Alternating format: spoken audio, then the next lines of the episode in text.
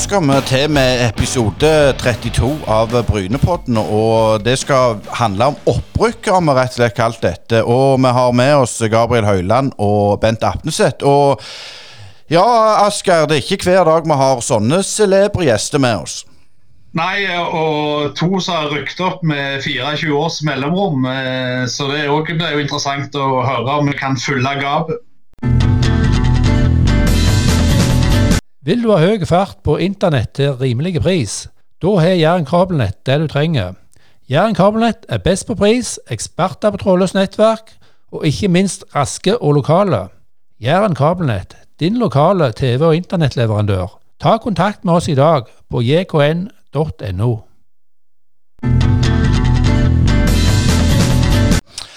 Men så er det jo noe tragisk som skjedde for ei, ei, eh, uke siden. Godt og vel eh, Diego Armando Maradona gikk, gikk vekk. Og du Asker, du, eh, du har vel noen gode spørsmål når det gjelder dette? Ja, vi må jo eh, både Gabriel Gabriel er jo så gammel han husker Pelé òg, men for Bent så var vel Maradona en sånn barndomshelt, var han ikke det, Bent?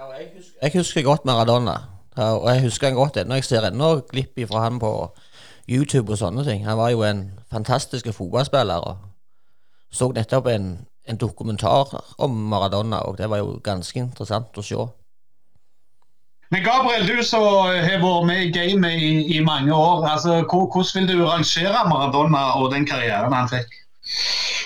Altså, Det er mange plasser i verden folk ser på Maradona som den absolutt største. Jeg er ikke enig. Jeg, den beste fotballspilleren jeg har sett i den tida der, det var Johan Cruyff. Han syntes det var helt fantastisk, og en lagspiller av rang. Maradona var spektakulære. Det var ikke så mye han utretta i løpet av en kamp, men, men det, det var mye sånne geniale ting som du husker han for. Og så hadde du Pelé som jo var en fantastisk artist. Flott spiller og kanskje den største rundt, rundt 60-tallet. Så, eh, Men i dag, hvis jeg skulle si den beste spilleren jeg har sett i dag, i, så lenge jeg har levd, så havner jeg på Messi. Og det på grunn av at det, den måten han spilte fotball på, med fantastisk mange soloreid der han eh, Ja, han skårer jo vanvittig med mål, og så eh, Nå må jo gjerne Erling Braut Haaland ha et par år til før han kommer der hen. Ja, Bent, er du enig i det at Messi er større enn Diego? Eh, det er jeg for så vidt. Jeg har jo vært Jeg ble jo ganske interessert i Barcelona for ca. ti år siden. Jeg var jo nede og så Barcelona flere ganger i året. Og, da, det ble jo veldig fascinert av Messi. Han er jo vanvittig god, men han har, dårlige dag, dager, han òg. Men jo han, jeg husker jo han bedre enn jeg gjør med Maradona. Så jeg kan godt være enig med Gabriel i det. Vi er jo to fantastisk gode fotballspillere. Så begge har vært i Barcelona. Men eh, dere to òg eh, var jo eh, to fantastiske fotballspillere for Bryne. Eh, det er litt eh, vei fra Barcelona til Bryne, selv om vi begynner på B, begge lagene. Eh, vi skal snakke litt om opprykk, og du nevnte Cruyff, Gabriel, og i fire Oi sann. Men eh, 1975, da begynte Bryne utover sesongen å lukte på, på et opprykk. Kan du si litt om den sesongen som, eh, som var vel var Gunnar Hult som var trener den tida? Hvordan, hvordan arta det året seg inn mot opprykk? Ja, altså, vi, du hadde den gjengen som kom, den 55-generasjonen, med Trond Sirevåg, Asker Kleppa og sånn der. Da hadde vi spilt annendivisjonsfotball i et par år. Vært nokså nærme til å rykke opp der. Men før 75-sesongen så setter vi oss et klart mål. Vi skulle rykke opp. Og det, det tror jeg er vanvittig viktig når du, skal, når du skal nå et mål. Så må du være bestemt, og du må ha alle med deg. Og det, det hadde vi, det, og, men vi, vi var jo i teten helt fra starten av. Så men, og, og når vi slo Vard i Haugesund ute på Hausten der, så var vi klar for opprykk. Lenge før serien var slutt. Så eh, vi var gode, rett og slett. Men eh, etter at opprykket var sikra, eh, og Vard var vel eh, en av de argeste rivalene, eh, så var dere jo opp i, i noe som for, for Bryne den gang var et helt ukjent eh, territorium. Eh, hvordan arta det seg å, å, å gå opp et, en, å rykke opp og, og liksom møte i det som utgangspunktet var, var sterkere motstand året etter? Hvordan følte dere det, og hvordan tok dere nivået? Jeg husker vi hadde Rosenborg første kampen på, på Bryne stadion. 8500 tilskuere, to politier. Det var Lorentzen og en til. Så det, var, det kom jo som et sjokk at det kommer så mye folk. Og, eh, og Rosenborg slo oss på en kjedelig 1-0-kamp. Og der lærte vi en del av det. at um, Det er et stykke opp. De lurte oss litt, for de var, de var, de var eh, flinkere i hodet, rett og slett. Vi var ferskinger, rett og slett. Men så eh, Vi tok det egentlig eh, nivået ganske kjapt. Og eh, ja, og holdt oss eh, litt under midten stort sett hele sesongen. Men med, når den siste serierunden var spilt, og vi var spilt mot Lillestrøm på Åråsen, så kunne vi fortsatt rykke ned. Men det var da uh, Jan Fugleseth fra Molde skåret fem eller seks mål mot Strømsgodset. Og Strømsgodset røk ned på det på siste kampen. Eh, Kan du si litt om eh, Gunnar Hult? Eh, Han lever jo i beste velgående. eh, 1940-modell. Eh, Hvordan var han som trener? Det er jo en som er litt glemt i dag. Nå vet ikke jeg hvilken Gunnar du du sier du Gunnar, Gunnar Hult. Det er Gustav Hult og Gunnar, Gustav, jeg. og, og Gunnar Steen. Jeg mente Gustav Hult, Ja. Gustav Hult var en greielig systematisk flink trener. Ingen tvil om det. Han skal ha hovedæren for at vi rykte opp, og at vi var der oppe et år òg. Og han eh, har nok ikke fått nok kred for, for det han gjorde på Bryne. For vi er ikke i tvil om at han, han var veldig dyktig, men han hadde full jobb i tillegg, og hadde tre unger hjemme. Og det tærte gyselig på han. Og det, det så vi når, når han hadde tapt en kamp så kunne vi se hele kroppen. Han var punktert. Og så, så var det liksom sånn at Ja, skal vi komme i gang? Det var liksom spørsmål han stilte før, før trening etter, etter en dårlig kamp. Så, eh, men han, han var han var flink. Veldig flink trener. Og hadde, hatt hadde han, eh, han kunne gi mye lenger hvis han hadde vilt. Vi skal straks sette over til Øystein, men eh, du Bent, eh, du har jo ikke trødd skoene i Bryne sånn som Gabriel har gjort det meste fra han kunne gå. Du begynte litt lenger sør i, i Hå, i, i Brusand, som eh, vel hadde en slags storhet i seint på 40-tallet, men det, det var jo ikke du en del av. Det var jeg heldigvis ikke. Men Kan du si litt om miljøet i Brusand og der du vokste opp som fotballspiller? Ja, Brusand, det var jo Det var jo Syrevåg Ogna Brusand som hadde idrettslaget hette det. Det var jo Brusand. Det var omtrent bare fotball de holdt på med i den tiden, mener jeg, da vi vokste voks opp. Det var gjerne noe springing eller et eller annet. Men vi sykla til Brusand, eller ble kjørt til Brusand, og så begynte vi jo på yngre der på Knott. Vi var vel seks-sju år, så når jeg kom til Brusand og begynte å spille. Så jeg, jeg hadde jo noen eldre brødre som jeg så veldig opp til, så jeg ville jo bli like god som dem. Så for, ja, så var jeg, og spilte jo på Brusand aldersbestemt og måtte trø til på flere lag, for vi var jo ikke så mange. Og så, da jeg var 15, da begynte jeg vel på A-laget. Og da tror jeg, eller det året du, nei, det året du fylte 16 Jeg har ikke så god hukommelse, men jeg tror det var det året du fylte 16, så fikk du lov til å spille A-fotball i de tidene. Og så der, der spilte jeg, jo, jeg husker ikke mange kamper, men jeg, det var jo en jævla gild tid, husker jeg. Og gildt i, i, hvert fall etter kampene. så jeg, jeg, jeg spilte jo i lag med Vi var jo fire brødre på, på A-laget en stund. Så, så vi var nokså berykta der borte en stund. Nei, da vil jeg skyte inn litt, Asker, for, for uh, Ja, du var litt berykta. Du har jo uh, Du har vel vært litt stor i kjeften med, med flere, med noen dommere og alt. Vi skal ikke rippe opp i det, men men når var det du fant ut at du var litt bedre enn brødrene dine? Eh, jeg, jeg er jo tvilling, så jeg har alltid vært bedre enn han, det sa jeg jo til. Men han, han var bedre enn meg i vektløfting, så han, han var norgesmester der. så Nei, jeg, jeg, kom jo opp med brødrene mine. De var jo fem og sju, åtte, ni år eldre enn meg. Sant? Så, så, så jeg, jeg, fant vel aldri det helt ut i grunnen. Men jeg, jeg spilte i grunnen bare fotball på Brusland for at, at, det var gyselig kjekt. I grunnen hadde jeg jo ikke noen sånn ambisjon om å nå noe spesielt langt med fotballen. Så ja, så balla det bare på seg da etter jeg ble invitert av Jeg vet ikke om jeg var både i Viking og i, og i Bryne og hadde ei sånn grus, grusturnering ut forbi ut forbi klubbhuset der. Uh, som jeg var med, ble alltid invitert en del lokale spillere. Så gjorde jeg det ganske godt der. Og så, så hanka Arne Larsen nøkla meg inn da i før 89-sesongen, tror jeg det var. Eller 90. Jeg er litt usikker. Husker du dette, Gabriel? Ja, jeg husker det, det til, men akkurat årstallet når du kom, det Det ni, Ja, jeg, jeg, jeg tror jeg spilte At første sesongen var i 89. s- Sesongen, altså. Så da kom jeg jo fra femtedivisjon, Vel, Bryne akkurat rykket ned, da. Ja, ja jeg tror Bry- Bry- tror Bryne rykket ned, ja. Men det, det var jo grelle med gode fotballspillere der, så jeg Jo Laland er jo god kompis men Han sier det når jeg, når jeg kom inn i garderoben for første gang, så hadde jeg bare sagt jeg skal være her et år. så sjøltilliten var ikke så veldig stor.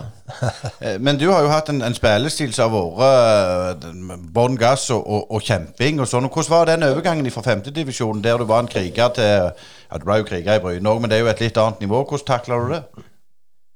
Nei, i grunnen ganske greit. Jeg, jeg, jeg, jeg kavde meg på til en fast plass ganske tidlig i, i sesongen der sjøl. Jeg, jeg hadde jo karantene den første kampen jeg kom der. Men så gikk det ikke mange kamper før jeg begynte å spille mye fast. Men jeg var, jeg var ganske godt trent når jeg kom der Jeg hadde alltid trent godt. Så, jeg hadde liksom god løpskapasitet. Og fysikk eh, var også ganske god selv om jeg ikke var så stor. Så jeg, så jeg hadde, hadde en god motor allerede da.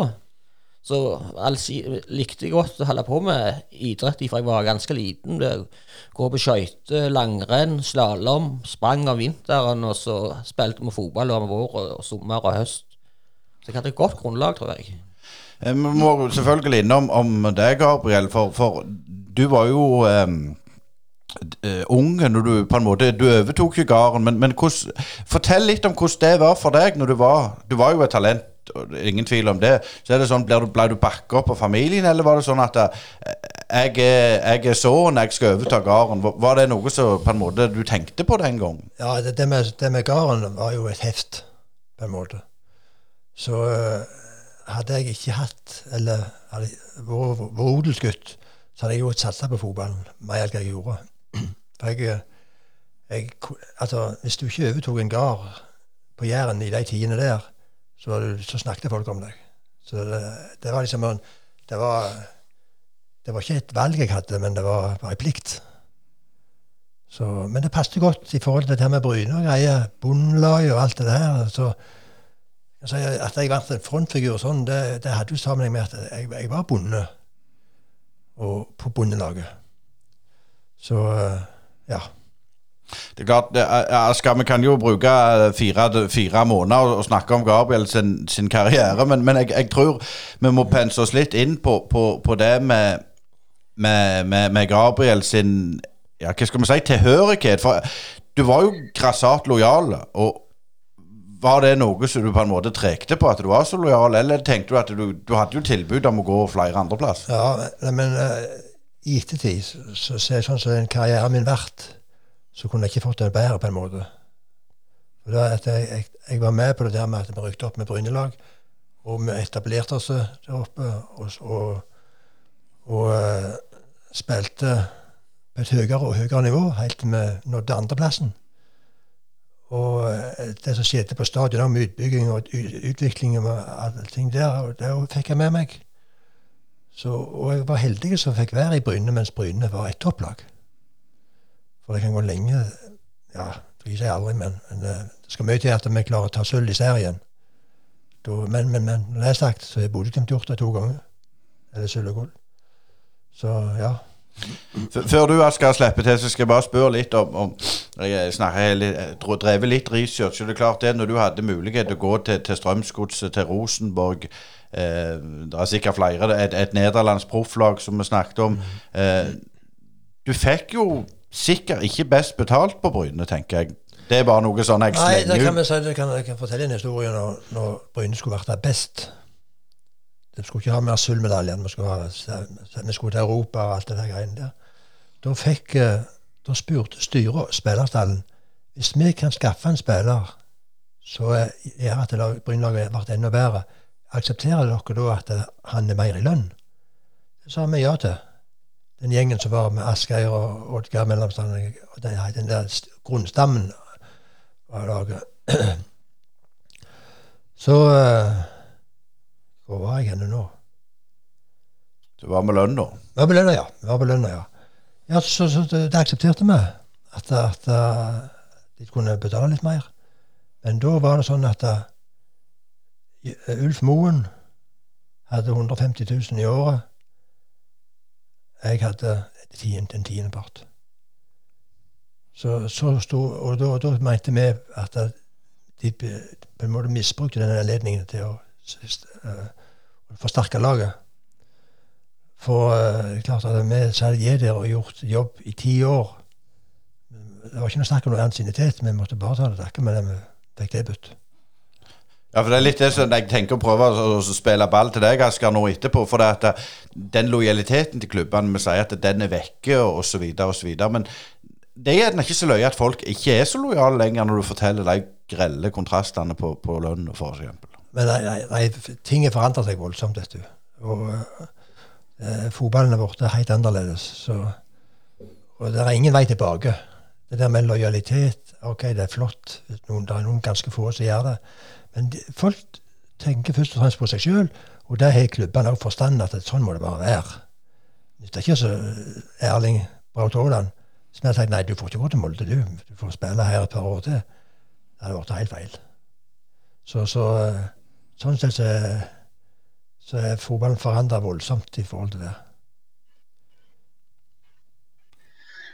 Men eh, ja, det, Gabriel er jo et, et, et kronfenomen på, på klubblojalitet, selvfølgelig. Og, og vi skal komme litt tilbake til, til 80-tallet og, og alt som skjedde der. Men vi må jo og Totti i Roma er jo det nyeste eksempelet på en spiller som var i en klubb hele livet, som også var en stor stjerne. Men vi må jo over litt til Bent. for eh, ikke det at vi skal snakke om lojaliteten din, men eh, etter å ha spilt noen år på, på Bryne, så havner du av alle plasser oppe i Sogndal. og det er jo litt sånn har jo vært litt sånn utveksling mellom Bryne og Sogndal gjennom året. Hvordan, hvordan skjedde det at, eh, at det Saftbygdi kom på, på døra?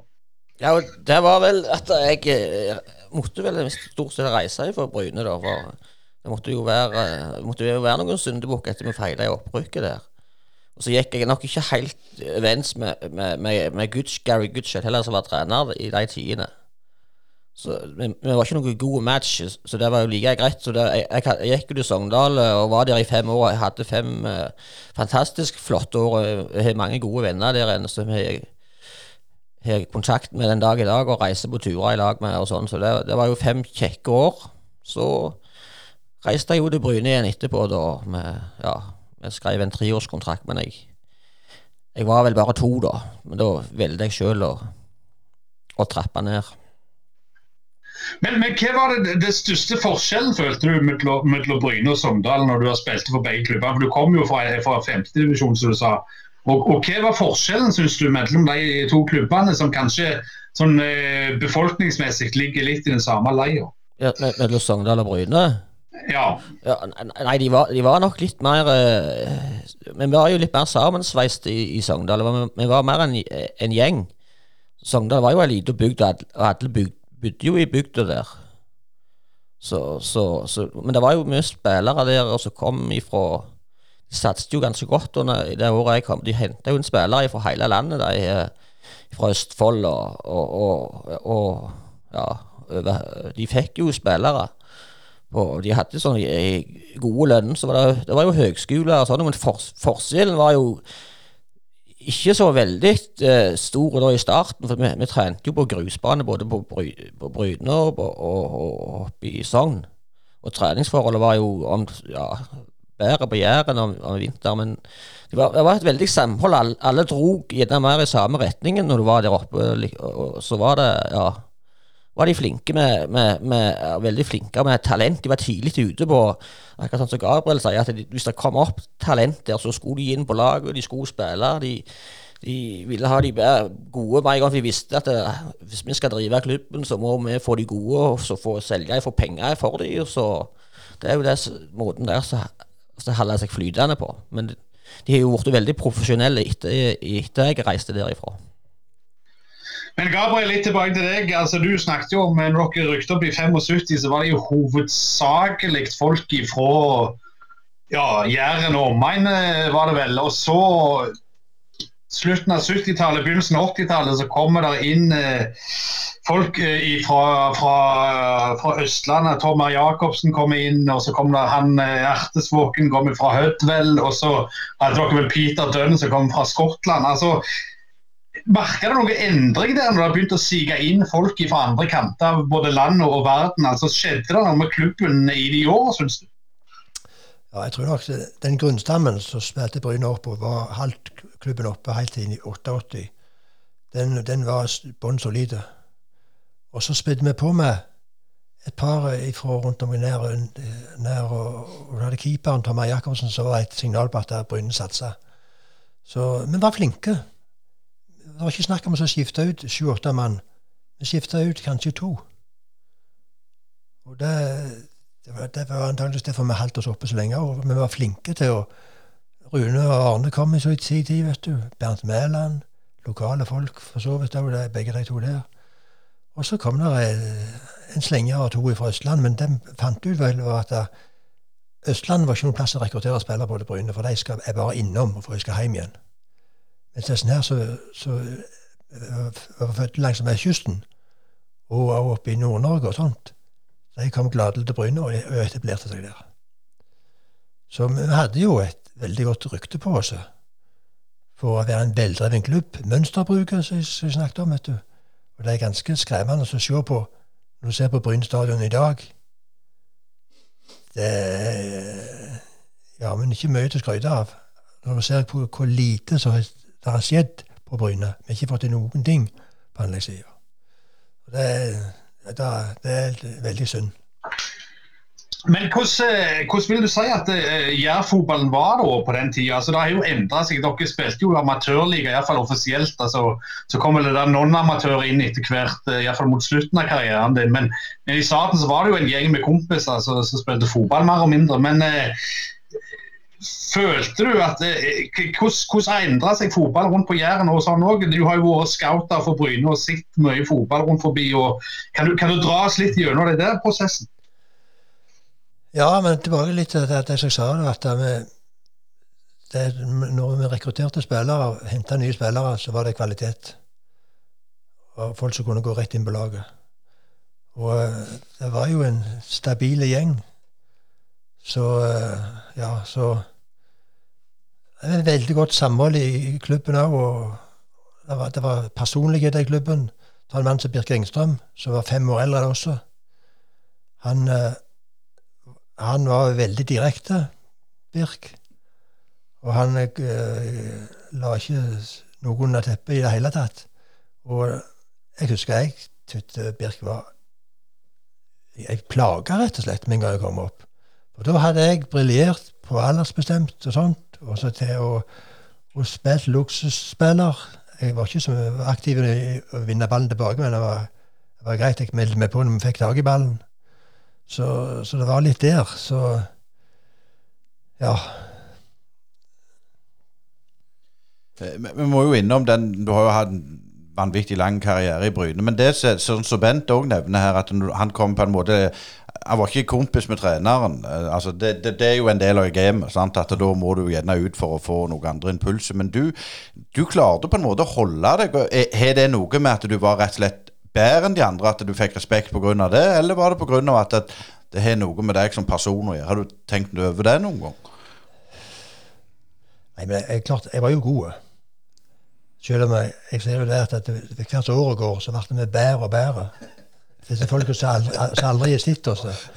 Og, vi, og jeg blir gjennom utløpsbøkene, så ser jeg Hjelpe meg. Her var, vi, her var det mye ringe kamper. Så, så, men men vi tok nesten to sølv. Og jeg hadde vel åtte og ni kvartfinaler, så vi tapte alle i hop. Det var et eller annet, en barriere når det var kvartfinale.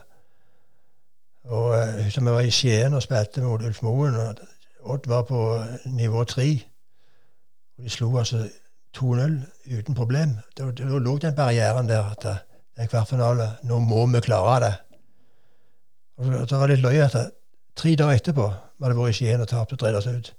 Så slår vi Rosenborg på Lerkendal 5-4. Så det hadde nok noe med Vi, møtte Hau- Haugar i 79 i cupen.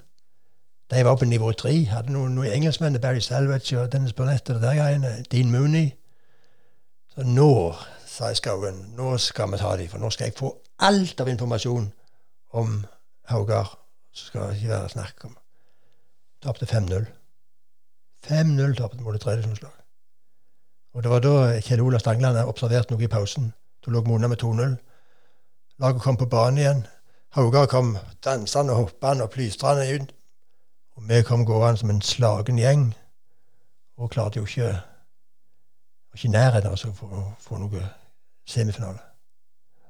Så det, det, det, det var jo eh, for meg den store skuffelsen å aldri nå Ullevål. Jeg nådde det jo, men da var jeg for seint. Det var når, når de vant cupen i 87. Ja, da, da var ikke du med, mest sagt. Men, men innom litt det Bente, du har jo òg U-landslagskamper. Og, og, og for de som lytter på, så må det være litt spesielt å, å være fra, fra H og, og komme på U-landslaget. Tror du det skjer i dag? Eh, Ja, det kan jo fort skje. At det er folk fra H som som kommer på i både andre landslag og U-landslag og A-landslag med tid og stunder. Gjorde jo, eh, gjorde jo Det skjedde jo veldig fort da det når jeg kom fra Brusand. Altså, ja, så gjorde vi det godt i, i, i, i serien. Jeg karte meg til en plass, og vi spilte vel kvalik, tror jeg, mot Eik hjemme det året. Så, og der var jo han Sem eh, eh, eh, trener. Så Ja, tror jeg han var trener på U-laget òg. Så jeg, jeg hadde ikke før kommet hjem, for jeg måtte i telefonen til naboen. Så jeg ble etterinnkalt da til, til, til, til kamp da mot, i Kristiansand mot Ungarn, tror jeg det var. Og da fikk jeg debuten der, i en OL-kamp. Det var det mye gode spillere med. Ja, for jeg, jeg, jeg vet du har vel Er det to kamper du har? Du har Det, ikke, jeg, jeg har iallfall én. Jeg har nok gjerne to, men nei, du, du er, for å si det sånn, jeg vet du er to, og du har ikke tapt ennå. Så, så du har en god statistikk på landslaget. Men, men sånn for din del, Gabriel, når, når du kom på, på, på landslaget, sånn, hvordan, hvordan var det? Det er klart, Verden er jo gått videre i forhold til nå, men det er klart, du var bonde, og du var med, med Odd Iversen og alt det der. Hvordan var det for deg å komme inn i det miljøet? Mye på mange måter. du vet. Odd Iversen var jo et kapittel for seg, bare han. Og det var altså holdning i forhold til alkohol, røyk og sånne ting. Det, det var Ja, det var ingen det var, Jeg gikk hardt utover både det ene og det andre. Så eh, Men eh, Og jeg trodde nok det er jo at eh, vi ble sett litt på som noen oppkomlinger. Her rutinerte spillerne i Vålerenga og sånn. Men det hadde du fantastiske typer òg. Halvard Thoresen, Tom Lund. Eh, To av de, det er topp fem i Norge gjennom tidene. Uh, så Ja. Uh, Jeg vet ikke hvor vi var hen nå. Nei, jeg bare tenkte, Du var litt inne på det hvordan du ble på en måte behandla når du kom. For det, det, jeg sier, at det var det Jæren og Bryne og Ja. Bønn og alt dette her. Ja, og jeg, jeg, jeg spilte faktisk 18-9 landskampene i 75 som 20-åring. Så da var jeg fast på landslaget. Da hadde en gredelig selvtillit. Vi brukte jo opp med brynet og, og alt det der. Og jeg, jeg tok straffe og sånt. Så datt jeg ut. Og så var jeg ut innen resten. For, og jeg fikk på en måte den siste sjansen fikk jeg egentlig gang på gang. Men eh, jeg mestra det ikke. Bare si sånn som det var. Altså det, jeg var ikke tøff nok i hodet til å på en måte slippe meg løs og komme på offensiven. Jeg var livredd for at nå, nå må jeg prestere. Og jeg spilte jo kampen mange ganger hjemme uten å spille den. Og, og ja det,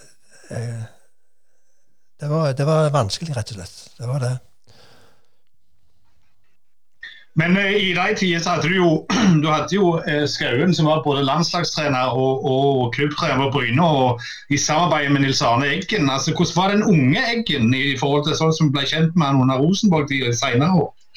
Nei, Han var jo festlig. Og jeg har alltid hatt veldig sans for Nils Arne Eggen. Jeg må si det. Og kunnskapsrike og engasjerte. Og, og du ser på treneren, norske trenere gjennom tidene, så er han i en klasse for seg. rett og slett. Men, men, hvordan var det å være på landslaget den tida? Altså, det var jo sånn at Norge alltid var best i, i kamper som ikke talt. Altså, sånn, slo Argentina 1-0 eh, før VM. Eh, ja, England selvfølgelig slo dere i kvalifisering, men, men, normalt sett så klarte dere jo aldri å kvalifisere dere noe mesterskap. Sånn. Var det sånn dere egentlig skulle bare unngå å tape? Var det, var det den holdninga, eller var det, var det, los på et eller annet litt større der i de åra likevel? Nei, jeg tror ikke det, egentlig. Så, så var, det var ikke lett. Eh, vi hadde jo kjempegode spillere. Einar Aas f.eks. òg. Eh, gode. Men vi slo Nord-Irland på en god dag, vi slo Finland på en god dag. og sånt, Men det var jo sjanser også når vi møtte Jugoslavia og Frankrike og, og sånne land. Så, så det var, det var eh, forskjellen enorm. Men er det noen av de der lagene du har spilt mot på landslaget, de spillerne som, som, som, du husker som liksom var bare helt outstanding på den tida? Ja, Vi møtte Jugoslavia. Det var mens Jugoslavia hadde et kanonlag. og, og der, der, var det jo flere spillere som var ypperste kvalitet. Buljan, Ivan Buljan spilte høyreback. Han var jo borti litt i kampen da, jeg spilte venstre. Og han spilte jo i Hamburger Sportsverein. han og greier. Men uh, ellers så, så møtte ikke jeg disse her kanonene. De, de landskampene jeg fikk, var, det var jo eh, OL-kvaliker og, og sånt. Og det der med fullsatt Ullevål mot, mot, England, der var jeg hjemmeværende på reserve. Det var det nærmeste jeg kom. Så, så, så var det Ja. Men eh, Bent, eh, når du da etter hvert eh, deg tilbake til Jæren igjen, eh, hvordan var det å komme til Bryne for, for andre gang? Altså, hva hadde endra seg på de årene du var i Sogndal? Uh, Nei, det var ikke så mye som endra. Det, det var mest det, var det så å si det samme etter fem år, men uh, det var en del andre spillere. De hadde jo begynt å hente inn en del spillere utdannet fra og svensker, tror jeg hadde begynt å komme på de tidene. Så, så det var mer lokale spillere da gjerne når jeg kom i, i første perioden enn andre. men men vi trente jo omtrent på samme plassen, og opplegget var det samme. og ja. Så, så, det var ikke, men det var jo kjekt å komme, tilba komme tilbake til Bryne igjen. da med, Det var jo noen av de spillerne som jeg hadde spilt med før jeg reiste, som var igjen. Bare skyte inn der, Ble du henta da, eller sa du at ja, da, da var, mener jeg at jeg snakket litt med Gabriel. Jeg vet ikke hvem det var. Jeg, jeg, reiste iallfall ned til Bryne, og da var jeg begynte jeg å bli litt lei i Sogndal òg. Det var sånn enten må du etablere deg her oppe, eller så må du reise. Du begynte å komme, komme i et dilemma om du skulle Ja. Så jeg reiste hjem og fikk, eh, var heldig og fikk jobb av Ingebrigt. Og da var det ikke så vanskelig, for jeg hadde jo hørt om Årbakke og hvor, hvor flott plass det var å jobbe. Og så hvis jeg fikk jobbe der og spille fotball for Bryne, så var det Så kom, visste jeg at jeg kom til å trives veldig godt det. Jeg trives jo veldig bra de siste årene jeg var i Bryne òg. Vi hadde det jo veldig gildt. Vi, vi rykte jo opp og, og holdt oss eh, i, i Tippeligaen da, så da var det, fant jeg ut etter det at jeg bare møna av. Men eh, i den tida dere rykte opp, selvfølgelig, det var jo eh, stor ståhei. For det var jo gått eh, ganske mange sesonger, mye, mye, flere sesonger enn vi trodde eh, før, før, dere kom opp igjen. Men, men var det litt sånn at det var en, liksom en svenskegjeng og en, en, en, av nordmenn? eller Hvordan var dynamikken i gruppa på den tida? Det, det, var en ting jeg, jeg reagerte på når jeg kom i Sogndal. Det, det, var mye mer en gjeng. I Bryne var det Jeg følte gjerne i garderoben at det var sånn tre, to-tre klikker. litt sånn. Men så vi ga vel beskjed om enkelte ting utover vinteren der og, og sånne ting. Så vi ut Vi begynte jo å dra i samme retningen hele gjengen til slutt, og da, og da, og da lykkes vi. Og Gabriel, når du eh, Jeg snakket jo med, med Brian Green eh, før han eh, døde, og intervjuet han borte i England. Og, og, han sa jo noe interessant om tida si i Bryne, altså 80 til 82, at uh, Skauen hadde lagt grunnlaget, men han setter dere fri. Og det gjorde at du fikk den effekten. Er, er du enig i den analysen der? Ja, jeg, jeg, er enig i det. altså Skauen gjorde en vanvittig grundig jobb på, på defensiv organisering, og holdning òg. Så han var jo der i tre år. Og, men han, han, sleit med å spille god fotball under han. Det var et eller annet, Vi hadde kanskje Norges beste midtbane, men så hadde vi ingen bak til serve Og det, der, det, som, gjorde at laget fikk et luft på 80-tallet, det var jo når Knut Erteså kom ifra, ifra, ifra Hødd. Da hadde vi plutselig en som kunne bruke ballen bak han. Og da ble òg midtbanespillerne mer involverte. Så øh, da var vi på 80, 80 spesielt, første året Brian var, så var vi vanvittig gode. Så jeg tenkte på det, der med 13 000 tilskuere og alt det, det er jo bare et eventyr. Så øh, og, Men han øh, Jeg tror ikke han får for lite kred, Brian Green. Han hadde to sølvmedaljer på tre år. Og du kan si hva du vil om Kent Carlton og alt det der greiene her, men det, det er faktum. To sølvmedaljer hadde vi. Og det, det må treneren få ære for.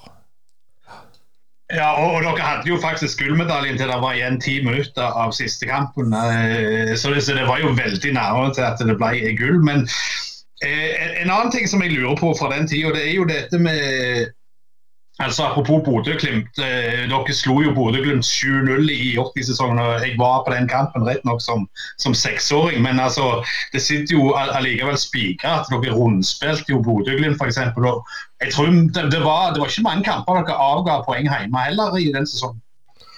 Nei, det, det, vi, var, vi, var, som sagt vi var gode. Men vi spilte dårlige kamper da, altså, vi gjorde jo det. Men, men i sum, når vi summerte opp, så, så var vi det nest beste laget i Norge. Og sånn som så I 82, når vi ble nummer to, da var jo Viking seriemester det året, da slo vi òg eh, Viking i Stavanger i Rogalandscupfinalen etter sesongslutt. Og det, rett, rett, etter sesongen var slutt, så reiste jeg over. meg og Svein Åge Skjæveland reiste over til England og besøkte Breien. Og når han da snakket med, med tydelig at han var en populær mann, for alle ville snakke med han, og sånt, kom bort til han. Så han eh, Han eh, nå datt jeg søren ut igjen her. Du kan redigere. Ja. Nå, nå dette, du vet, Gabriel er blitt en gammel mann, Asker. Ja, det er sikkert det. Men la meg få bare fullføre det, så, så, så får det Ja, for da, da, da, var vi med Breien inn i player launch, der så spillerne var sånn. Og da han da gikk og så snakket med han, og det var tydelig at han var godt likt, for de, de, de oppsøkte han. Da fortalte han at han hadde vært der i tre år, to sølv, og så slo vi seriemesteren uh, i siste kampen, Rogalandscupen. Den tok han òg med seg. Og så, uh, så, det var jo Det var jo noen fantastiske år med Breien. Det var, det var gildt å gå på trening. Litt inn, inn, på det med, med Bent og, litt sånn Jeg har jo litt løye med hårbua, for jeg har jo spilt mot Brusand mange ganger sjøl. Men vi sa jo alltid det at jeg får ikke håpe de har balltre i, i garderoben. Eh, for, for, løye, selvfølgelig. Men, men du òg har sagt det som Gabriel sier, dette med den mentale biten er viktig. For du har jo en sønn nå som er et veldig talent. og var det fokus på det når, når du kom til Bryne og var i toppfotballen, dette men det mentale greiene? Eh, nei, det var nok bare eh, Det var lite fokus på det. Det var helst bare sjøllært, tror jeg. Nå, er det, eh, nå vet ikke jeg hvordan det er i dag, om de har noe. Vi hadde jo i Bryne i siste perioden jeg var der, Da hadde vi en sånn mental trener, jeg tror han heter Frank Beck, som gjorde oss veldig bevisste på forskjellige ting. Og så Blant annet mentaliteten og, og, og sånne ting. og det er jo ganske Det, det, det sitter jo mye uh, mentalt når du skal vinne fotballkamper og trene. Altså det sitter jo mye i hodet. At du spiller på de rette impulsene og sånne ting. Det, for å lykkes i dagens fotball, så må du jo være tipper jeg at, eller tror at du må være ganske mentalt sterk. For det er jo litt mye inntrykk ifra media og, alt, og alt sånt noe, så du kan bli påvirka. Altså, eh, det, det, er nok tøffere i dag enn det var når jeg spilte fotball. Men litt tilbake til det med, med, med, med den der holdninga som Gabriel òg var inne på, med alkoholbruk og alt. Og klart, eh, Du Bent, du er jo en, en, en gladgutt og, og, og, Nei, jeg skal ikke ja, men altså, jeg, skal, jeg, må prøve å stille et spørsmål uten å virke veldig frekk. For det er klart, du var jo vanvittig god fotballspiller og har mange år i, i toppserien i Norge. Tror du du kunne gjort det i dag? Uh, det vet jeg ikke. Det var, alt var så mye annerledes tidligere. Nå har du jo agenter. Og, jeg kom, I grunnen har jeg klart meg alene hele karrieren. Nå har du jo så mye agenter og folk rundt deg og, og trenere og sånn så hjelper deg. Hjelper deg jo enda mer i, i dagens fotball uh, enn det du gjorde før. Vi Jeg reiste jo på jobb, uh, jobbet jo på Bryne, da, så jeg uh, var på jobb fra sju til tre, så trente du etterpå, så reiste du hjem. Var, og så var dagene var omtrent sånn. Men i dag er det jo mye mer profesjonelt. De tar opp uh, ja, forskjellige ting og diskuterer ting, og sånn, så, sånt var det ikke de tidene. Så ja Vanskelig å si. Jeg må bare skyte inn her, Øystein, at uh, i 99 så var jeg med landslaget på byen i Tel Aviv etter de hadde spilt sånn en uh, vennskapsturnering her nede. og Da ble bl.a. Eirik Bakke der, og, og da snakket, kom jeg innpå Bent Atneseth. og så så sa Eirik Bakke til meg det er ikke Bent som drikker mest i Sogndal, bare så du vet det. jeg hadde nå rett i det. En god kar, Eirik. Men, men eh, altså, tilbake litt til Gabriel. Jeg vil, jeg vil ha litt tilbake til, til, en annen ting. altså Rivalisering med Viking var jo på, på sitt sterkeste i de 80-åra. Og en ting som, som, kanskje dreide det enda mer opp, det var jo at eh, du og Torbjørn Svendsen lå jo i en sånn aviskrig hver uke i Aftenbladet. Hvordan, hvordan kom det i stand? Det var rett og slett en, en sportsjournalist i Aftenbladet som het Kvinnesland.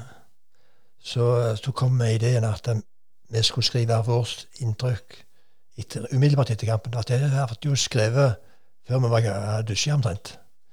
Så de, fikk jo med seg da, altså var vi så varme i hodet at det, det, det, var midt i blinken for Aftenbladet. For det, det ble veldig sitt lese dette her greiene. Og, og, det var opptok folk, og det skapte diskusjoner og sånt noe. Så, så det var Vi hadde mye løye med det. Ja for, det var jo, det var jo Dere svarte jo hverandre fram og tilbake. og sånn. Det var jo sånn litt sånn pingpong mellom spillerne. Og, og det, at det aldri har blitt eh, trykt opp igjen i, i en slags eh, bok eh, Det gikk jo flere sesonger, dette her.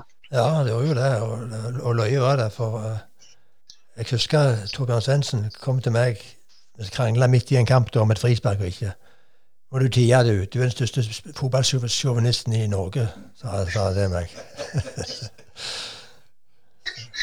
Det, men, men er jo eh, du, du, nevnte Brian og England her. altså Du er jo lidenskapelig opptatt av engelsk fotball. Og, og, de fleste folk velger jo lag som var storlag i, i, i, barndommen. Men du har jo gjort et litt spesielt valg når det gjelder engelsk fotball. Ja, altså jeg begynte å interessere meg for engelsk fotball uh, rundt 1970, pluss minus. Og Da skulle jeg holde med Sunderland av en eller annen grunn. Jeg hadde lest at de hadde mye penger. Så at det var et interessant lag å følge med. Men så rykket jeg ned første året. Så, jeg, så var ikke jeg så lojal at jeg fulgte dem ned i annen divisjon. Men så, traf, så var jeg med juniorlaget i, i Hamburg og var ute og spilte turnering. Og da traff jeg en engelskmann. Så spurte jeg han hvem er den mest lovende spilleren i England for tida. Så svarte han Ralph Coates. Han husker sikkert ikke noe, han spilte i Tottenham. Hadde en greielig hentesveis.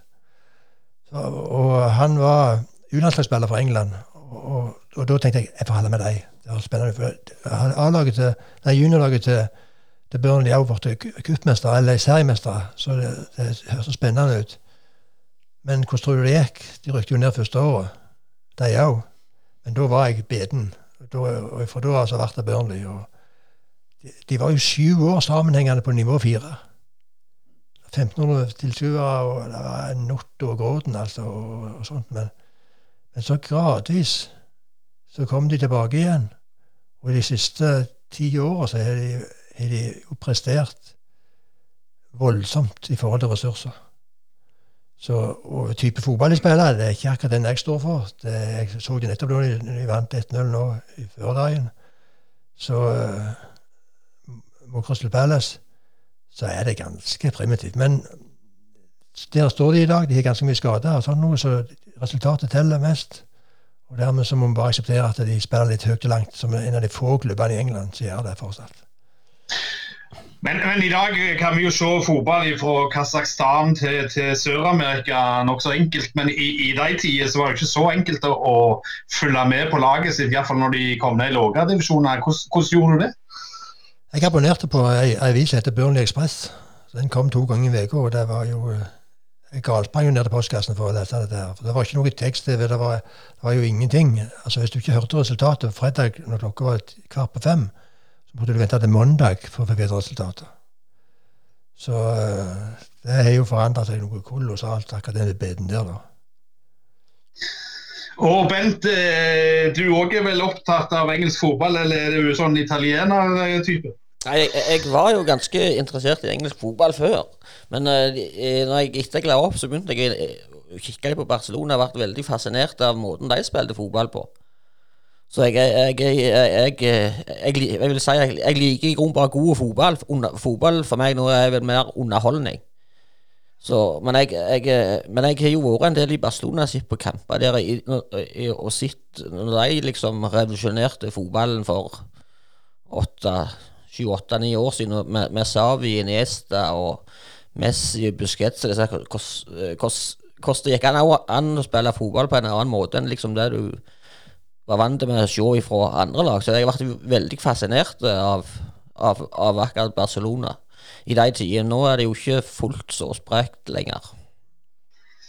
Nei, eh, men det, er jo eh, også, det var jo et lag som begynte å spille vanvittig god fotball allerede under, under Cruyff. Og, og, de var jo kjent for å være ganske lave, som ikke var veldig vanlig til fotballen på den tida. Altså, skulle jo ha de der store tanksentrene og de store midtstopperne, men nå kommer de der på 1,75 og skal liksom briljere. Altså, den reisen må jo ha vært meget interessant å se hvordan, de har tatt nivået, på en måte. Ja, det, eh, Barcelona vet du, det var mest ikke en spiller som var 1,75 vet du, så, i de tidene. Eh, så det, så det, er jo ganske fascinerende i grunnen at de, at de ble så gode som de ble. Eneste de hadde med litt høyde, det var vel Piquet. Ja, så holder på ennå, selvfølgelig. Men, men litt tilbake til Litt tilbake til, til, til til det der forholdet du har til Bryne i dag. Eh, du har jo en, en sønn som er i klubben. og hvordan, hvordan har det vært å se eh, forskjellen som å komme inn som forelder og liksom følge ungdommen? og Hva er store, største forskjellen fra du holdt på til, til i dag, syns du? På de unge? Uh, nei, det, det, er nok på, på treneren. For meg og Eivind Karlsbakk er jo trent i ti år, så. så jeg, jeg, bare stått på sidelinja de siste par åra. Likevel så jeg uh, Det blir verre på trenersida, med andre ord. Nei, så nei, det, det, det, er jo Før så trente vi en eller to ganger i uka når de begynte. Sant, Nå trener de jo uh, nå, er det jo, nå trener jo sånn som juniorene, de som går på skole, sånn, de, de, de, ligger jo langt over treningsmengden til A-laget i dag. Så jeg vet ikke om det er riktig, eller hva det er, altså, men, men de trener jo vanvittig mye, iallfall i denne 16-17-18 år, så det de som går på idrett og fotball der, og sånn, det er to-tre økter tre-fire ganger i uka. Så, så det er Forskjellen er at du trener vanvittig mye mer, og så er du mye bedre trenere rundt deg, både på, i klubben og på skolen og sånn. Så du, hvis du vil i dag, så er det iallfall uh, gode muligheter til å bli gode. Men, men er det en fare for at uh, de, de, får for mye for tidlig, eller syns du den balansegangen er ok? Uh, nei, det, jeg, jeg, vet, jeg, jeg, vet i grunnen ikke det. Uh, om det er for mye. Jeg, jeg, regner med de som styrer og steller, vet, vet, vet dette, eller ja. Noen er jo tidligere utvikla, tåler vanvittig mye mer trening. Og så er det noen er mer skadeutsatt enn andre. De, det går jo på sånne, sånne ting så det, eh, sånn som det der, da. Så når du er Jeg har jo trent disse her når jeg, Vi ga dem vel når de var 15. Sånn, du, du, hadde jo noen som var 13 og så hadde du noen som var 18 i utvikling på, på samme laget. Skal de trene akkurat likt eller like mye eller få samme belastning? Og jeg er litt sånn usikker på det, men uh, ja, sånn, men de, de, er jo i grunnen under gode, kyndige hender på Bryne, sånn sett. Men, men, Gabriel, du òg har jo vært kjent som å være en, en slags talentspeider for Bryne i årevis. Eh, er det skjedd noe når det gjelder talentutvikling i Rogaland? Altså, er, er det færre gode i dag? Er det det samme nivået, eller må du lenger og lete? Er det større konkurranse osv.? Eh, det er, er mange mange talent, og der de først og fremst er gode i forhold til tidligere. At de har brukt så mye tid på dette her at basisferdighetene er veldig bra. Og da, har de et godt grunnlag å, å bygge på. Så, men så er det det som vi snakket om tidligere, den mentale biten. Det er jo den som avgjør hvem som blir fotballspiller eller ikke. Og det, der er Alfie et godt eksempel. Alfie spilte du med litt på Brynau, Bent. Alfinge, ja. ja og, da, og holdningsmessig så var, var ikke han mer enn han måtte være. Når han måtte flyge mål, f.eks. For, eksempel, for da grein jo hele gutten. Nei, nei, nei han, eh, men jeg, jeg er god mann Alfie for det. Ja, men så, det, Men- det som skjedde med Alfie i ettertid, det er jo når han kom til Forrest, City, kaptein Da var den mentale biten plutselig hans styrke. Ja, ja det, det, det er viktig, det, altså. At de, Nei, nei, det er det som er litt fascinerende, for vi må jo pense oss inn på disse oppbrukssesongene dere har hatt. Men, men sånn som begge sier jo at dere spilte fotball for å gildt, og dere drog det så langt dere klarte sjøl. Kunne dere nådd enda lenger? jeg tror de beste da trente like mye som de beste nå. Altså Sånn for min egen del. Jeg brukte et haug med tid hjemme i gardsrommet med ballen. Det, Ragnar Soma akkurat det samme. Så du får igjen for det du legger i det. Det er ingen som får til gode med å sitte hjemme og ta noe gjennom posten. De må ut og, og, og jobbe. Og det er derfor jeg mener det at de beste spillerne er ikke så fælt mye bedre eller, eller ringer alle de som er beste nå, fordi de brukte mye tid på det. Men de dårligste, som brukte lite tid, de dårligste spillerne vi hadde på laget, de var veldig mye dårligere. Eller hva de er nå. Så, Men, men vi må, må innom eh, Vi begynner med deg, Bent. Den 99-sesongen der, der, du, der du rykker opp, og, og, og der er jo en del lokale profiler. Men jeg, vet jo at det har vært litt avisskriverier, for du var en som du, for, du forventes Altså, du skulle ha 110% innsats på kamp og, og trening, og, og det utenom det det var så som så, men, men du, du var knallhard, og du var en viktig bidragsyter. Det vet jeg for de som var på det laget, så det, det må du ta til deg. Men hvordan var det for deg å være Jærbu og være i det laget og, og klare å rykke opp? Altså, hvordan var den reisen? Eh, nei, vi, vi jobbet jo Vi hadde vel sånn lå vel i toppen i, i hele år, så det, det var jo kjekt å komme tilbake til Bryne og være med og rykke opp på, på første forsøk. Det, det var det jo, men det var, det var jo ikke bare vi, vi var jo en del Det var jo masse lokale spillere på det, på det laget òg. Men jeg, jeg, jeg, jeg husker jo ikke så godt, jeg, men, jeg, men eh, det var vel Roger som sto i mål, var ikke det, Gabriel? ja, og Svein Bø Så, ja, og så, og, og så var jo eh, mitt eh, først, Einar spilte jo, og Jørgen og, og Asle, og det var, det var jo Og Rangvald. Ja. Var jo kanongode. Og Rune Medalen. Sant? Så det, var, det var jo mange Det var jo mange jærbuer på det laget der. Absolutt.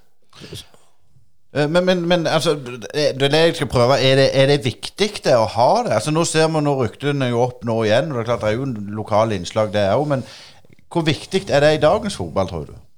Jeg, jeg, jeg tror det blir viktig for det, det, det, eh, å produsere egne spillere. For jeg tror det blir for dyrt for sånne klubber som Bryne til å gå ut og hente spillere i, for, for mange. Jeg tror, jeg tror vi aldri altså Gabriel er inne på litt, litt tidligere, at det skal- godt gjøres at, at, at, at det blir økonomi til å hente, hente så mye spillere altså, og bli så å bli en tippeligaklubb og, og, ja, både økonomisk og sportslig i dag. Altså. Så, jeg, så jeg tror det er viktig. Du ser jo det på, på hvor masse akademi der, og, og, og, og i tippeligaen hvor mange unge talenter som spiller nå i, sånn på Stabæk og, og Vålerengen og sånn. eh, Klubbene er jo blitt veldig bevisste på det.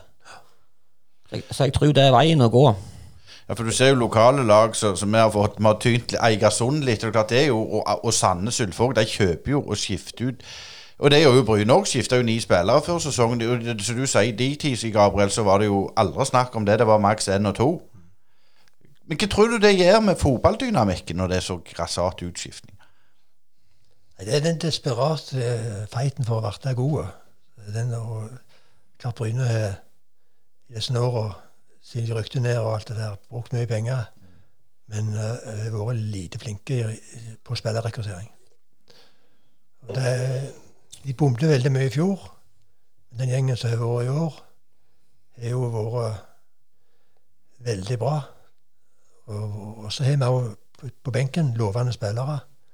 Men det er jo mange ikke-Bryne-spillere på Bryne nå i dag òg, men det er hvor du skal, langt skal du rykke. Altså En mann fra Randaberg, en fra Egersund, det er lokale spillere i mine øyne. Eh, Men du må, du må innom den opprykkssesongen. Hvordan, hvordan var det for deg? For det, det, Altså, det er jo mista Bryne. Var det sånn for deg når du var på en måte unge spiller òg, at du, du, du blødde for drakt? Og jeg er jo så ung at jeg husker jo dessverre ikke deg spille. Så. Men, men, var det sånn Jeg husker Bent, det var jo full, full fyr og, og, og, skikkelig innsats. Det, hadde du òg eh, på en måte hjertet ut før drakt, og, og, det er derfor du har den stillinga i klubben i dag, tror du? Ja, jeg var nok med og, og dro glasset rette veien, for å si det sånn, da. Vi hadde aldri nådd så langt hvis, eh, hvis, de, hvis vi ikke hadde gjort det. Så uh, det vært viktig, det må, ikke uten å skryte, da, men, men at, at, det var, var, en type som meg sjøl med og dro i de rette trådene. Slik gjorde at vi, vi lagde et godt lag, et godt samhold og osv. Ja, Savner du litt det i dagens fotball og i dagens Bryne-lag òg, for så vidt? Nei, altså det, det, Holdningsmessig så ser det ut til å være veldig bra i år. Det har vært god innsats og et godt samhold. Jeg sitter så nær innbytteranlegget, ser de nærheten av de løper kampene. De er positive, selv om de vet de ikke kommer innpå. Så, sånn som det ble med koronareglene, eller epidemien. Så ja Jeg, jeg, faktisk tro på at vi kan videreutvikle den gjengen som er der i dag. Det Ingenting hadde vært gildere hvis vi kunne gjerne hente en eller to klassespillere som heva laget voldsomt. Så kunne det òg gjort de andre bedre. og Der sitter jo unge, mye talent på, på, benken. Og det er jo også veldig spesielt i år med korona. Så de, de ikke kunne vært sure på noen heller. Det er ikke, det er ikke, det er ikke Bryne fotballklubb som har sagt at reglene skal være sånn. Så det tror jeg òg har hjulpet at de Eh, følte seg vanvittig dårlig behandla, men det er ikke råd med det, sånn som det ble. Men nå, nå, er vi jo, eh, hvis vi skal se litt framover, Gabriel. Eh, I sommer så fikk hele verden se bilde av Erling og, og, og, din sønn Geir og en gammel Ford ute ut i potetåkeren din, så du kunne jo selv til Haaland-poteter og synge til hele verden. Men altså, Erling har du sett noe lignende i alle disse du har vært i, i klubb? Nei, nei, nei. Det er helt det, det, det, Dette her så Noen ganger så har det vært noe som et eventyr til dette her med, med Erling. Det er bare helt utrolig. Senest i går kveld. Så det Det, det har vært altså Det engasjerer jo alle.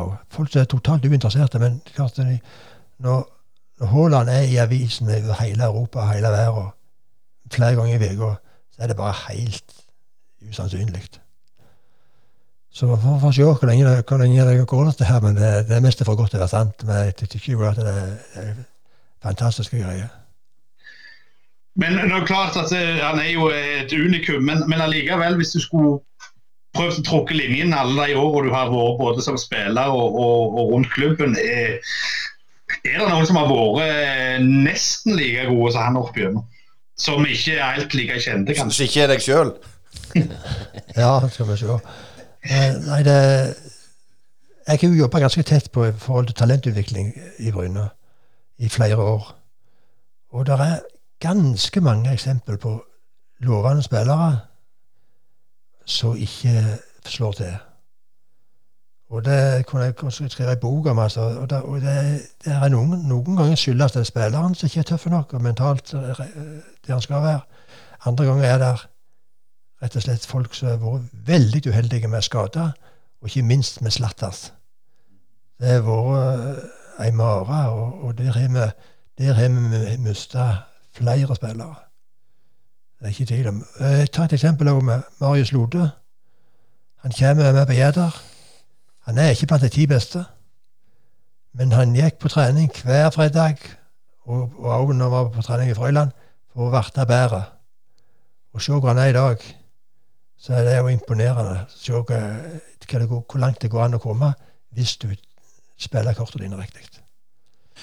Men, altså Gabriel har jo vært jeg si, trøtt ned klubbhuset i, i, i, all sin tid, både etter han la opp og, og, og, sånn. Men du Bent, du har vært litt mer gjerne altså fraværende. Har det noe med at Følte du at du ble godt tatt til vare når du var i klubben? Eller hvordan er ditt forhold til klubben hvis vi ser vekk ifra at du har en sønn som spiller der? Nei, eh, mitt forhold til Bryne er jo godt i dag, så jeg, eh, ingenting er negativt å si om Bryne det. Men jeg er jo, jeg er jo trøtt i ti år der, eh, helt inntil to år, så, så jeg, jeg, jeg har vel ikke vært fraværende, men, eh, men, eh, men jeg har ikke jeg har ikke engasjert meg så mye i, i, i de siste to åra. Men jeg har jo, jo gjort mitt etter jeg la opp jeg for Bryne. Ja, for det, det, det som jeg tenker å snakke litt om, jeg litt med meg og Gabriel og jeg, jeg, Hvis jeg kan synes klubben gjerne ikke har vært flinke nok til å dra fram dere som har spilt i Bryne, og lage et miljø for, for gamle spillere. Der vet jeg de i byen er ganske flinke å, å invitere og sånn. For jeg, personlig tror jo at det er et, et kall det et marked for det. Altså, altså Jeg syns jo det å ha, ha, ha dere to her er jo utrolig givende for, for Altså selvfølgelig bare for, for, for, eh, for podden òg, men for, for oss personlig, både meg og Aske. Altså, hva tror du om det? Bør Bryne gjøre noe sånn? Vet, de har vel for pensjonistene, så vi, vi er ikke så gamle ennå, Gabriel. Men, så vår tid kommer forhåpentligvis. Men eh, nei, jeg, jeg, jeg vet ikke. Vi, vi, hvis vi har behov for å snakke så mye, så klarer vi nok å ordne det der sjøl. Jeg går jo i lag og diskuterer jo litt med noen eh, gamle fotballkollegaer, jeg, altså, sånn, men eh, akkurat, jeg har ikke akkurat noe sånn veldig behov for en sånn sosial samlingsplass for avdanka Bryne-spillere. Har du, Gabriel, det? Ja, altså, jeg, eh, Noen burde egentlig ha tatt opp hansken der og så prøvd å få til noe. Jeg ser hvor gildt vi har det når vi treffes. Lanseringen av boka på Da, da, da eh, tok jeg en ringerunde. Jeg ringer sikkert til deg òg, Bent. Og, og vi samla Hvor mange var vi ikke? 40-50 stykk. Ja, det, det var en god gjeng, men du, du må bare begynne å gå ut i helgen, du òg, Gabriel. Nei, men det var, jeg tror alle hadde det veldig gildt der. Ja, det, det, det er klart det er gildt når du stemmer sånn, eh, så eh, det er, det er jo det. Ja. Så der, der kunne vi nok vært bedre. Jeg ser ikke faktisk et par vikingspillere innom hos meg. Svein Fjellberg kommer og kjøper poteter hos meg. Og, sånn, og det, Svein Fjellberg er en fantastisk eh, gutt. Og det ble en liten drøs, og det ble like gildt hver gang. Så eh, jeg tror hvis vi hadde lagd til noen løgnersgreier med samla vikinglaget fra 1980 og mot Brynelaget 1980, så hadde vi sikkert alle kunnet lagd en fantastisk kveld. Men en eller annen må ta, ta fatt i det, og foreløpig er det ingen som har gjort det. Nei, det, er bare, det er bare problemet det at da er vel alle på rullator på Bryne sitt at Per Henriksen har feid feid gjennom alle sammen. Men, men, men, men Gabriel, i starten jeg har lyst til å spørre deg litt om det. for det at eh, Du nevnte jo dette her voldige ansvaret med å ta over gården og sånn, og pliktfølelsen. og Da snakker vi sånn eh, 80-tallet en gang. Men, men eh, du som er bonde og sånn i dag, altså de, dine unger de kjenner ikke på den samme plikta, og, og landbruket har jo endra seg ganske mye siden, siden 80-tallet. Ja, og det, det er så, jeg er i samdrift i dag. Det vil si at da, da produseres min melk hos en nabo, og han betaler meg det. Så eh, sånn er det borte. Og hvis, hvis jeg skulle satse videre på gardsdrift, så måtte jeg investert kanskje 10-12 millioner. Og eh, jeg har tre unger. eh, Ei jente og to gutter. Og det er egentlig leiekortet. leiekort at dette her er leiejord. Jeg leier ut jord, jeg leier ut melkekvoten. Og så eh, holder jeg på med litt poteter sjøl. For meg, i den alderen jeg er kommet nå, så er det veldig greit. Og jeg tror ikke de andre ungene de har funnet sin arena. Kanskje Littelkar Geir, som fyller år i kveld, forresten. At han, Hvis jeg hadde stimulert han, så kunne jeg kanskje overta gården, men jeg tror det innebærer så kolossalt mye i forhold til investeringer at hvis du skal være med, så, så må du ta et valg, og du må brenne for det. Du ble ikke rik, men du ble kanskje Du har en greiere hverdag når du har investert så mye penger, men du ble aldri rik. Men, men siden du, du er jo liksom eh, kjørt opp i media alltid som Mr. Bryne, og, og, og selvfølgelig det de ikke vet, det er selvfølgelig ditt glimrende arbeid i Salte kanallag og alt dette her. Men, men altså, er gården er litt et bilde av det som skjedde med klubben Bryne òg? Altså at eh, tida ikke helt eh, står i stil til det det en gang var? Nei, vi kan godt sammenligne Bryne stadion med, med bruket mitt, så, så har det vært litt på, på, på stedet hvil. Det, sånn er det bare. Men jeg, for min del, jeg vil gå- investere i Nå vil jeg så jeg gidder holde på med slaktegris og, og poteter, så er jeg happy med det. Og, og har for så vidt en veldig grei dag i forhold til stress og sånne ting. Det. Så eh, jeg syns jeg har det godt på mine pensjonister. Ja, jeg, jeg har jo en, en, en god vits jeg, jeg har gått og tenkt på. Det er jo, du har jo hørt den. Det er jo de, de enkleste bøndene som lager de beste potetene. Ja, det er for det største, ja. Det stemmer det. Første Gabriel. Så, så avlinga til Gabriel er nok gode. Jeg tror du ikke det, Bent? Ja, og eh, jeg, jeg kjører jo forbi eh, både titt og ofte, så jeg vet jo at er Gabriel er både flotte, store og gode poteter, så Ja. Men, men før vi Nå, nå går tida så grassat her, men, men vi må innom disse oppbrukene. Nå, Gabriel, skal begge to skal få ett minne fra oppbrukssesongen så, så dere aldri glemmer. Gabriel først. Nei, men Ta Bent først, for Gabriel trenger litt tid å tenke. Eh, Ja, nei, det, det jeg husker best det, det, i fra årets sesong, er det det du tenker på? Nei, når dere rykket opp i 99.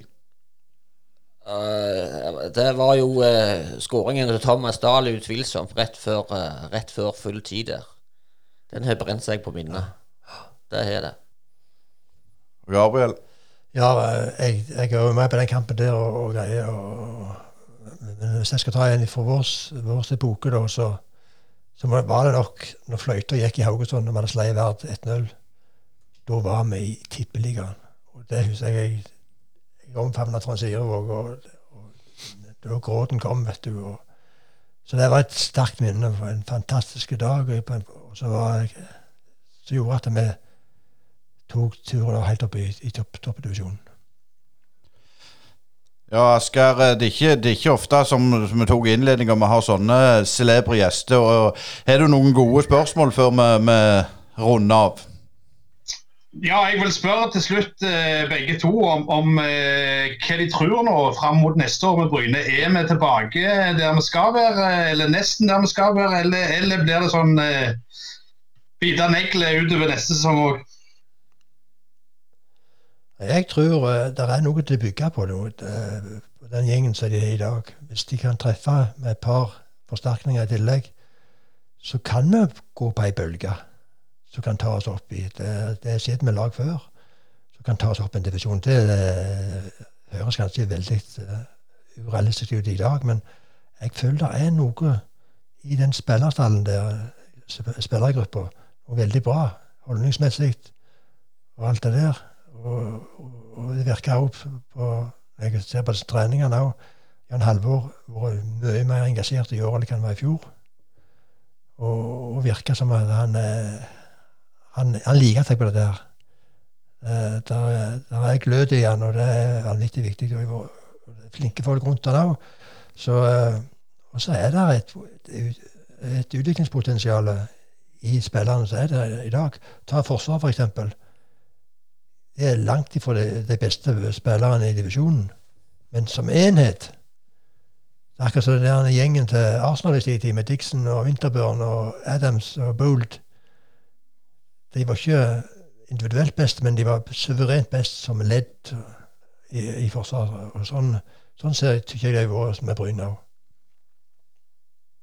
Ja, jeg er i grunnen mye enig i det Gabriel sier. Så det, det er jo en del spennende spillere der.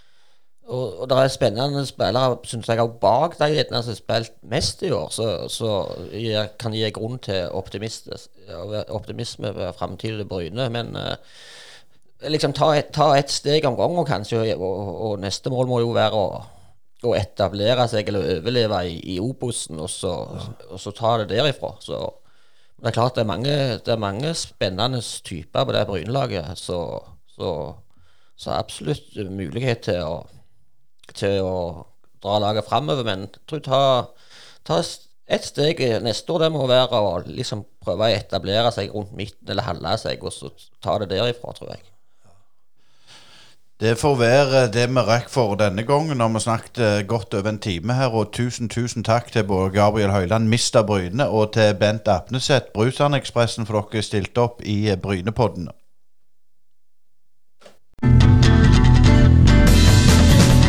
Vil du ha høy fart på internett til rimelig pris? Da har Jæren Kabelnett det du trenger. Jæren kabelnett er best på pris, eksperter på trådløst nettverk, og ikke minst raske og lokale. Jæren kabelnett, din lokale TV- og internettleverandør. Ta kontakt med oss i dag på jkn.no.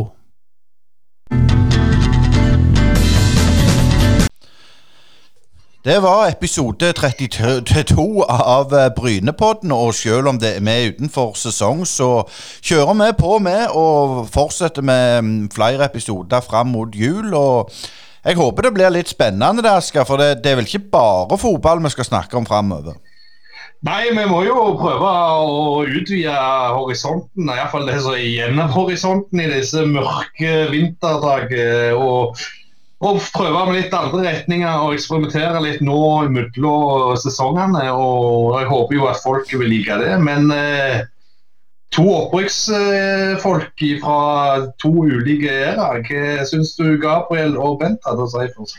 Nei, Det er jo veldig interessant å høre det med, med, med, det mentale de snakker om, og hvor viktig det er innen fotballen både før og nå. Og klart når de var lokale og rykka opp med Bryne, det er jo ikke så mange forunt å, å gjøre det. Så det var utrolig interessant å høre hva, hva, de sa. Det var jo to reflekterte karer som diskuterte det. og Interessant, for, for uh, jeg husker jo ikke Gabriel som spiller, og jeg husker Bent som spiller, og det var veldig interessant å høre hvordan de så det fra innsida. Så må vi òg nevne det at for den eh, overvåkne lytter så har vi hatt eh, sponsor med oss eh, i denne sendinga. Og for dere der ute som hører på, som vil ha noe annonse eller vil støtte oss i podkasten, så er det selvfølgelig muligheter. Der kommer enda mer framover. Men det var skikkelig gildt å få en, en seriøs og god aktør med oss på laget, så tusen takk til de sponsorene som har med oss i, i denne sendinga. For vi trenger jo litt Det er greit med litt sponsor, Asker. Ja, vi trenger litt påfyll, og det kan du òg gjøre med å kjøpe T-skjorte. Det er snart jul, alle trenger noen T-skjorte. Vi har fremdeles eh, noen Brynepoddene T-skjorte igjen. Brynepoddene litt dypere.